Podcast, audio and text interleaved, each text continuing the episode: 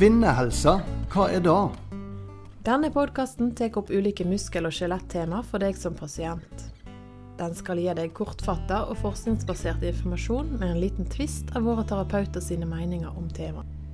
Ja, nå har vi hatt både episode 17, 18, og i dag skal vi spille inn episode 19 av Syriakspodden. Sindre, gleder du deg? Ja, og i dag har vi tatt turen opp på Tonus eh, fysioterapi og eh, trening. Og eh, for å treffe deg, eh, Nina Theodorsen. Og eh, du er jo rett og slett en stipendiat. Stipendiat Nina Theodorsen. Det høres jo veldig fint ut. Ja, det er veldig fint. Ja. jeg koser meg hver gang jeg kan skrive det på, på, på, nederst på mailen. Ja, sant? Ja, det er konge. Jeg skulle ønske jeg kunne skrive stipendiat en gang. Altså. Men jeg gleder meg enda mer til å skrive doktor. Ja, Ai, da, ai, ai, ai. da er, for det er der du er på vei, sant? Det er der jeg er du, du kan på vei. fortelle litt hva stipendiat er. Og, Ja, da har du en eh, Altså, du har tatt en master, eh, og så går du da videre på den høyeste akademiske utdanningsnivået på universitetet og høyskole, som da er en, en doktorgrad. Altså da en skikkelig doktor. Skikkelig Ikke sånn doktor. tulledoktor som fastlegene Nei, nei, kaller nei. seg. En skikkelig doktor. Ordentlig doktor. Ja, og det er da Nå har jeg tre år igjen eh, med, med forskning og, og prosjekter, og så satser vi på at vi er ferdig da i 2024. Og he, da er det doktor Theodorsen. Ja. Oi, oi, oi. Høres veldig bra ut. Da må vi komme tilbake igjen og høre hva du har funnet ut. Da blir det en ny eh, podkast med doktor Theodorsen. Ja, det må det bli, da. Ja. Ja, ja, ja.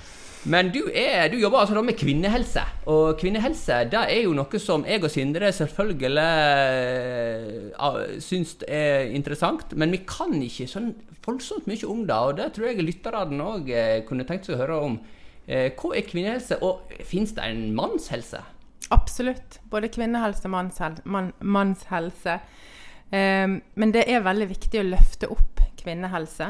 Um, for det første så er jo Nå snakker jeg jo kanskje med en, en av de som har en sånn rød strømpebukse godt knyttet Ja. oppover hodet. sant? Jeg har lurt på det hvorfor du har sånn strømpebukse på deg. Ja, ja. Ja. Det er ikke rød knestrømpe her. Nei.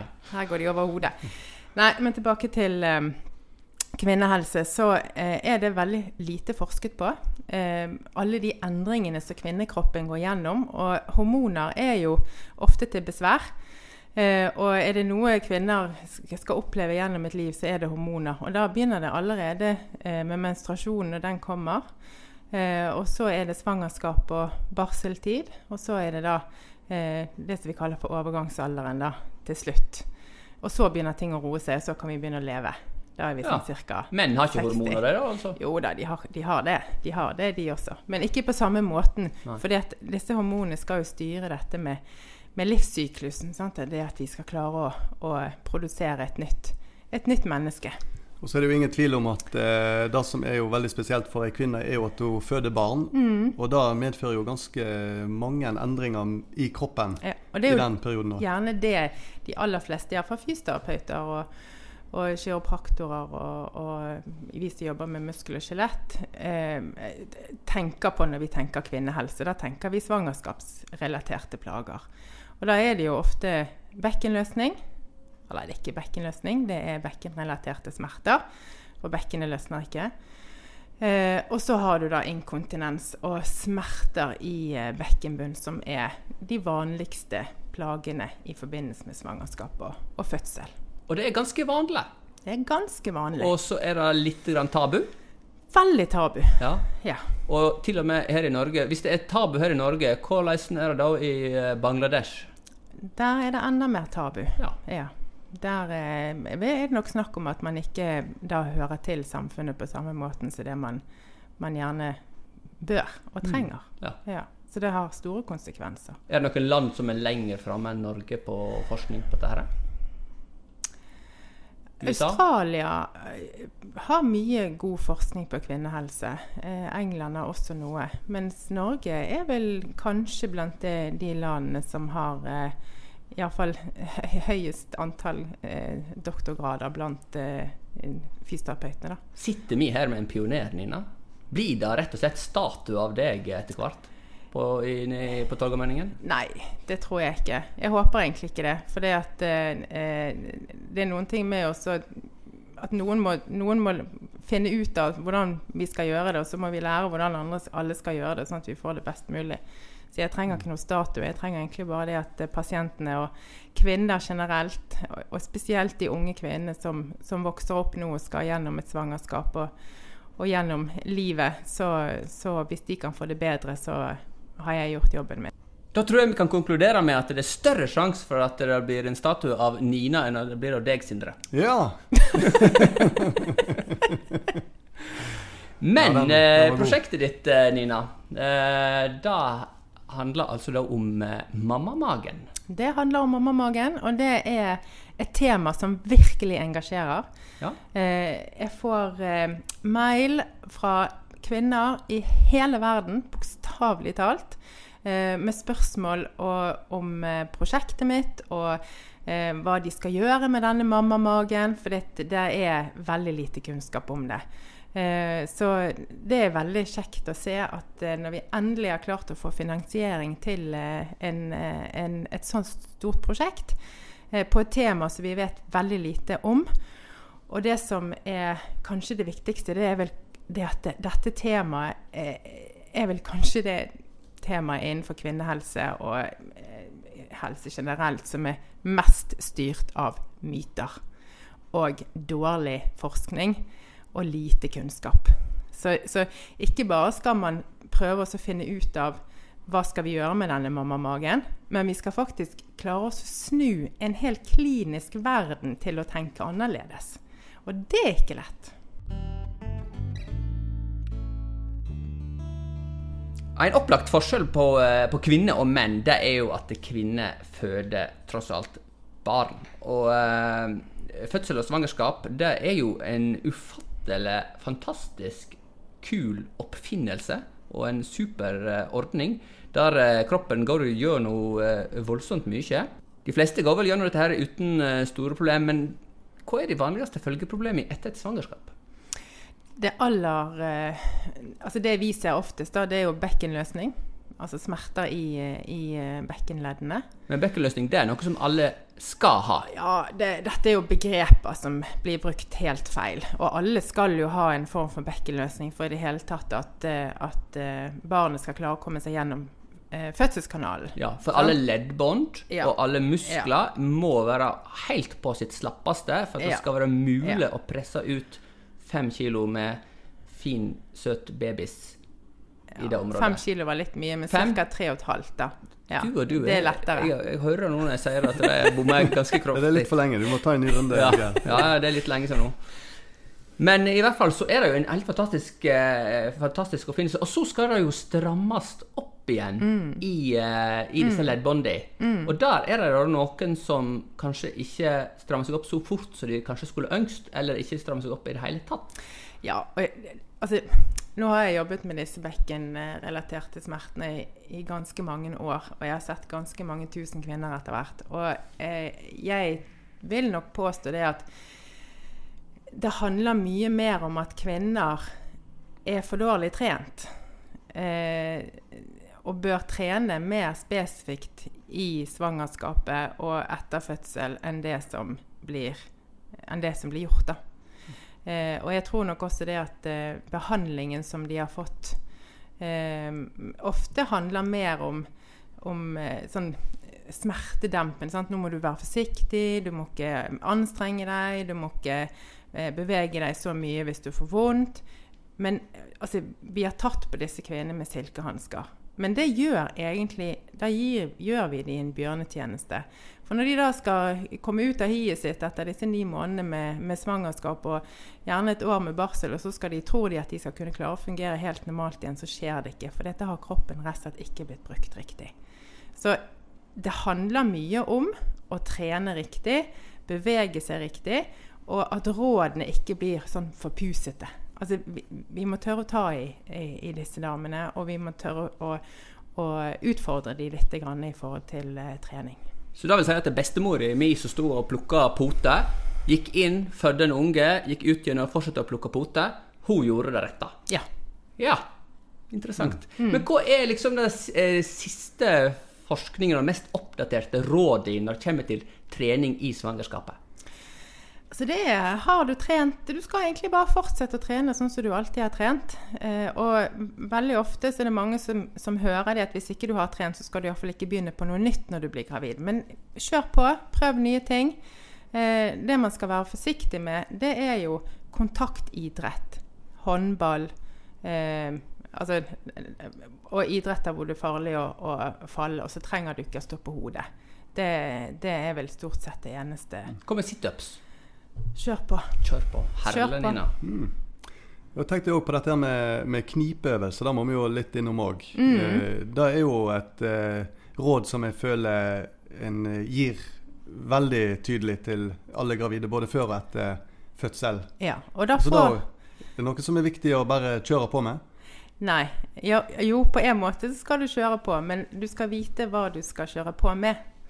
Eh, og altså, Hvis ikke du har noen plager i vekkemunnen, hvis, du hvis du er helt pottetett og du ikke lekker og du ikke har vondt noen steder, så ja, da handler det om å kjøre på med mengdetrening. Sant? Det er samme dosering når du skal styrke bekkenbunn, som når du skal styrke enhver annen muskel i kroppen. Eh, men hvis du har plager, hvis du lekker, og spesielt etter en fødsel, så kan det være forskjellige årsaker til den lekkasjen. Det trenger ikke nødvendigvis å være det at muskelen er svak. Det kan være det at muskelen er veldig anspent.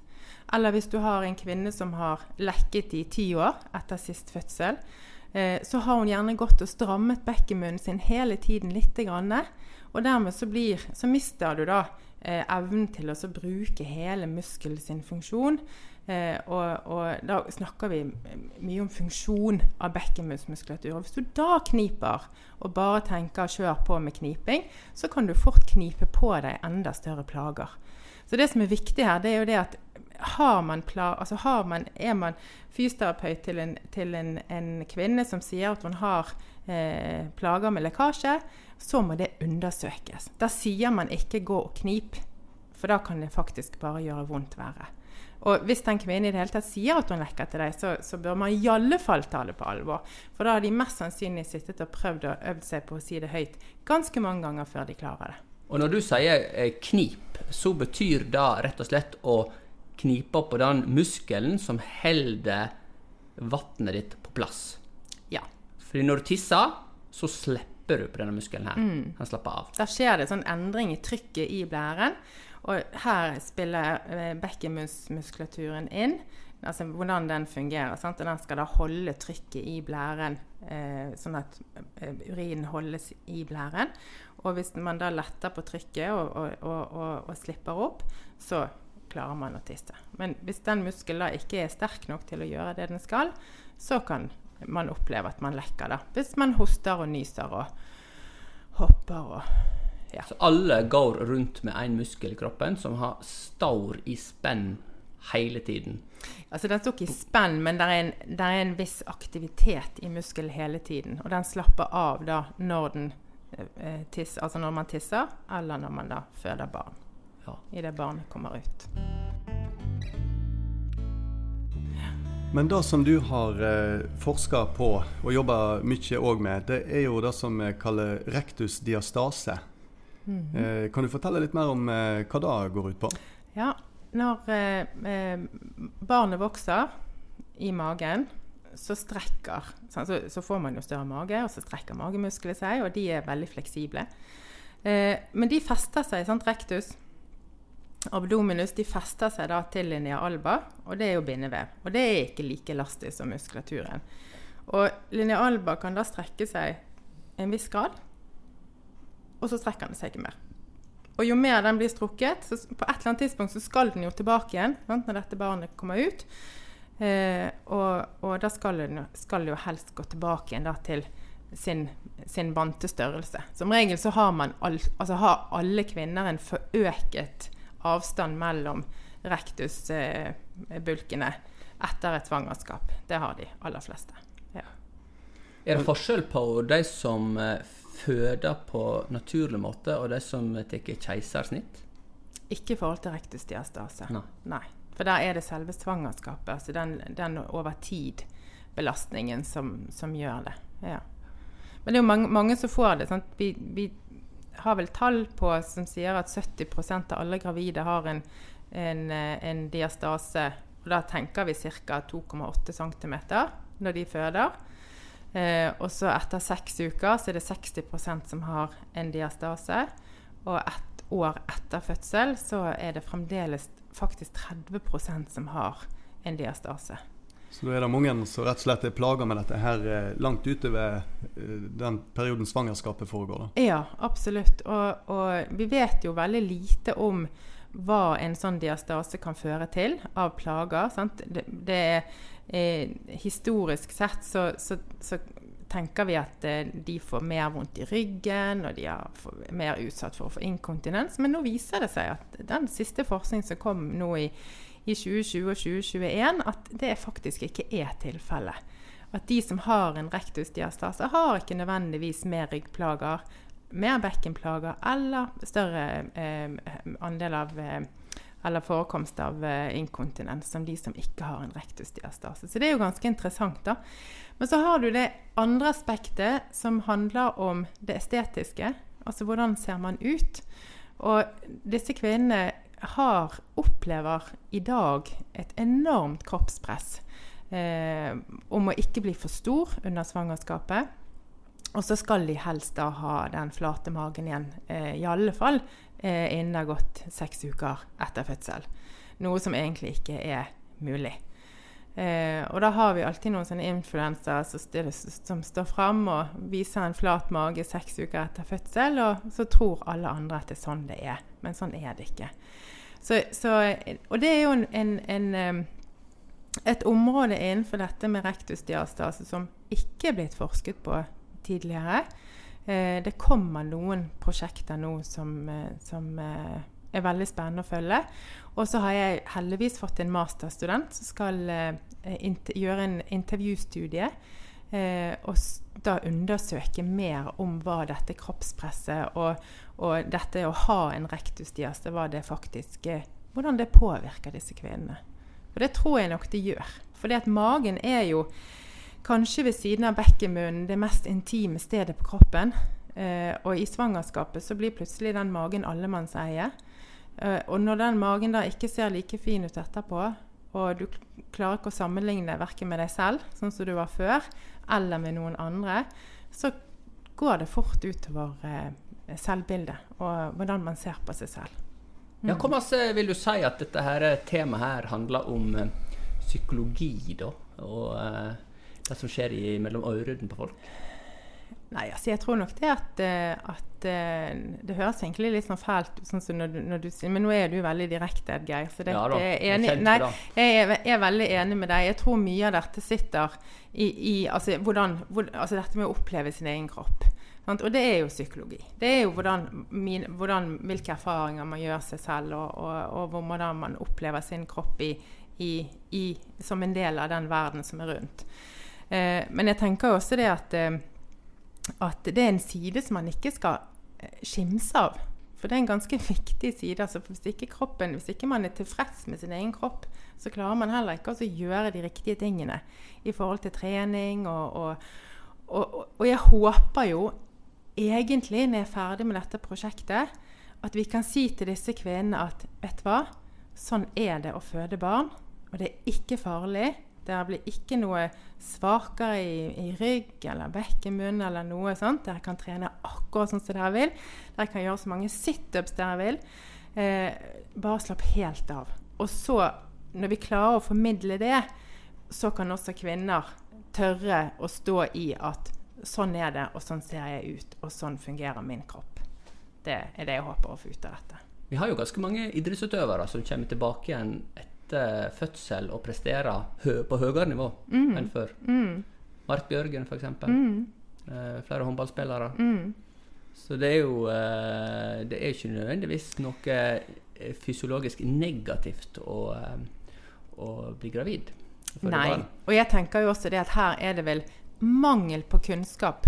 Hvis du, hvis du er usikker på noe, så sier man nei. De aller færreste av oss kaster seg ut i en ja hvis man ikke vet noe om det. Og hvis du da har en pasient som spør deg om noen ting, som du kanskje burde vite noen ting om, men du vet ikke, så sier du som regel nei. Da, da, begrenser du den pasienten. Og det er det jeg er opptatt av, at vi må, vi må slutte å begrense pasientene for det om ikke vi vet nok om det. For da er det alltid noen andre som kan mer. Og så må vi tørre å høre på de som kan mer, og så snu vår egen praksis. Sånn at vi ikke begrenser pasientene, i alle fall, men at vi klarer å løfte de opp, at de, de blir selvstendige. Det er vel egentlig det viktigste. Og spesielt innenfor kvinnehelse. For kvinner har så for det første så liker de aller best å trene i komfortsonen, og så liker de, og så trenger de mye sånn bekreftelse på at dette er riktig. Det, det, det er sånn kvinner er. Og da eh, tenker jeg at det jo, eh, kan jo gjerne være greit å ta med seg i fall da, at eh, selv om en ja, f.eks. ved lekkasje da, etter fødsel, så, og en har jobba iherdig med knipeøvelser, så finnes det likevel håp om en sjøl ikke har helt fått det til. Absolutt. Da går det an å, å finne råd, ja. ja f.eks. hos deg, da. Ja. Og, ja. og, det som er viktig da, hvis du, kni, hvis du, kniper og kniper og kniper og du fremdeles lekker, så som regel så er det da, da, vil jeg anta at man kniper feil. For det er veldig, veldig lett for å knipe feil etter fødsel. Fordi da har man akkurat trykket, da har vi brukt bekkenmunnsmuskulaturen til å trykke ut det barnet. Og det er egentlig stikk motsatt av det vi egentlig skal gjøre. Sant? Vi skal løf, lukke og løfte inn. Men da tror kroppen det at å, er det sånn jeg skal bruke levatormuskelen? Og så trykker de på hver gang de kniper. Og da kan man jo faktisk knipe på seg en inkontinens. Sånn for å sette det litt på, på spissen. Så tenker jeg jo litt også at eh, Det er jo et kjent prinsipp der, at eh, har du hatt vondt, altså har du hatt vondt i ryggen lenge f.eks., eller jeg vil tro det gjelder det samme for, eh, for svangerskap og plage i etterkant, så vil jo smerten gjøre noe med kontrollen på muskulaturen. Sant? Det ser du jo òg ofte på ryggpasienter som har ganske dårlig kroppsbevissthet, egentlig. De klarer ikke å finne muskler, og de klarer ikke å mm. egentlig utføre øvelsene mm. sånn som de blir bedt om å gjøre. Sant? Sånn som kanskje friske og smertefrie folk klarer bedre. da. Og det som ofte ikke blir undersøkt, og som disse kvinnene ikke får mulighet til å snakke om, det er at de har gjerne en del smerter i bekkenbunnen etter en fødsel. Der er kanskje rifter, der de har kanskje blitt klippet. Eh, og da får man arrvev. Og hvis det ikke blir jobbet med og blir strukket, så kan det godt snurpe seg sammen, og så kan det produsere smerter. Det kan være smertefullt å gjenoppta samleie fordi at man ammer og man har ikke Altså, man produserer ikke nok fuktighet. Og bare sånne ting, å få hjelp med sånne ting, kan være kjempeviktig på veien til å bli tett, hvis man da har lekkasjeplager. Ja, For å ta et direkte spørsmål. Er det mange som, eh, som rett og slett sliter med smerte ved sex? Eh, ja. I etterkant av dette? her? I etterkant av en ja. fødsel er det veldig mange kvinner som gruer seg til å gjenoppta seksualfunksjon. Eh, de aller fleste føler nok et sånt press, eh, ikke et direkte press fra partner, men et sånt en sånn samvittighetspress da, om at nå må jeg snart begynne å prestere igjen. For det, det, er det, vi, det, er jo det vi har lyst til, det er det vi gjør. Eh, og ofte hvis man da fullammer, så produserer man ikke den samme fuktigheten i skjeden. Mm. Eh, og det er jo hormonstyrt. Eh, og hvis man da ikke har fått råd om å bruke masse glidemiddel og fuktighet og alt dette her, så kan man gjerne kjenne at man har veldig lyst på sex, og så plutselig, så hvis, når man da kjenner seg nedentil, så er man helt tørr, og så tenker man oi, her er det noe som ikke stemmer. Eh, og hvis man da bare kjører på, så kan det bli ganske smertefullt hvis det er arrvev og, og, og, og um, klumper, og, også hvis man da har um, gått og strammet den muskulaturen, eller man har hatt en ganske heftig fødsel hvor man gjerne har fått eh, disse eh, skadene i, i bekkenbunnsmuskulaturen, altså rifter f.eks. Det er ganske voldsomme krefter som er, i, i, i sving her. Og hvis du da setter disse kvinnene i en fødestol med beina oppi disse her eh, støttene, Eh, og hvis de da presser litt på, så får man lett en, en, en adduktorrift, eh, for å si det sånn. Eh, og disse fødekvinnene de får ikke samme behandlingen som, eh, som eh, disse her eh, Premier League-fotballspillerne som løper rundt på banen og ruller rundt, for å si det sånn. Det Nei. gjør de ikke. Og Hvordan er kommunikasjonen med partner, tenker du? Er det òg noe du ser kan være dårlig? Veldig ofte så er det jo, er det jo dette med Man føler et press. Eh, og at man gjerne ikke er flink nok til å snakke om det. Men det er kanskje ikke så lett, for det er tabubelagt. Og, og, og så er det veldig mange som lurer på er jeg blitt mye videre. Sant? Kjenner han noen ting? Kanskje han ikke, kanskje han ikke kjenner noen ting? Kanskje ikke eh, Og da har han lyst på meg, og så videre og så videre. Sant? Så det er veldig masse spørsmålstegn rundt denne første gangen eh, etter en, eh, en fødsel. Eh, så, så, det er jo ikke alle som er i forhold hvor man kan snakke om sånne ting, men, men kan man snakke om sånne ting, så er det lurt å og, og, at man prater litt om det, og at gjerne første gangen at, at det blir en, en, en, litt sånn utforskende greie, og ikke bare at man kjører på sånn som man alltid har gjort. Nå knuser vi jo myter her og dundrer løs på tabutema. Ja. Hvordan er det da for eh, Sarita på Sri Lanka å ha eh, sånne utfordringer? Eh, nå har ikke jeg vært og truffet Sarita på Sri Lanka, men, men, jeg har truffet på Sarita som kommer fra Sri Lanka til Norge og, får, og møter det helse, norske helsesystemet. Eh, og eh, det er utrolig spennende pasientgrupper å jobbe med. For de har akkurat de samme følelsene og lystene og eh, behovene som det alle andre har. Eh, men de kommer gjerne fra kulturer hvor dette snakkes overhodet ikke om. Eh, og hvor kvinne, kvinnekroppen egentlig er mer en, en, ting enn noe som helst. Og man snakker iallfall ikke om følelser. Og der forventes det at man stiller opp og setter i gang med, med, med produksjon igjen ganske kjapt etterpå. Så, så det er store forskjeller eh, kulturmessig. Men hvis vi tror at vi er begrenset av tabuer. Så, og vi er jo ganske langt fremme, men eh, det er nok andre som har det enda verre enn en det vi har. Ja, for, uh, for, for, et år siden så var jo jeg på en tur i Kenya. Ja, ja. Og uh, der på ei uh, gudstjeneste så kom jeg i snakk med, med, fem damer som sto bak kirka og kokte te. Mm. Og eh, jeg hadde jo en eh, liten babys, eh, min babys altså, så jeg drev og prøvde å få til å sove. Og da kom jeg i snakk med disse damene, og da spurte de hvor mange unger jeg hadde, og så sa jeg jeg hadde fire. Og det, jeg syns jo det er svære greier. Fire unger. Det er, jo egentlig helt crazy. Ja, de er jo for spesielt ja, interesserte. Ja, det er spesielt interesserte. Og de damene, vet du, de bare lo og harselerte. Fire unger, nei, det var nå ingenting. Ja, Så spurte dem ja, hvor mange syns du jeg burde ha, da? Nei, det var nå ikke noe å snakke om før du fikk tolv, mente de. Ja, ja. Så da eh, tenker jeg at eh, hvis du da skulle slumpa borti litt eh, problemer med bekkenbunn eller diastase eller noe sånt etter fødsel nummer én, så har du en mm. utfordring i, da, i den kulturen der, da. Og veldig ofte de som jeg treffer, da, som kommer fra andre kulturer, de har vært utsatt for eh, kjønnslemlestelse i tillegg og har gjerne eh, store smerteproblemer i forhold til det. Og hatt det helt siden det skjedde. Mm. Eh, sånn, sånn at eh, Da tenker du på omskjæring? ikke det? Jeg tenker Helst. på omskjæring, men jeg kaller ja. det for kjønnslemlestelse ja. uansett. Ja, for det er noe som ikke mm. Ja. Det, noe som vi kanskje bør Det er gale uansett hvordan du rir og vender på det. Ja. Mm.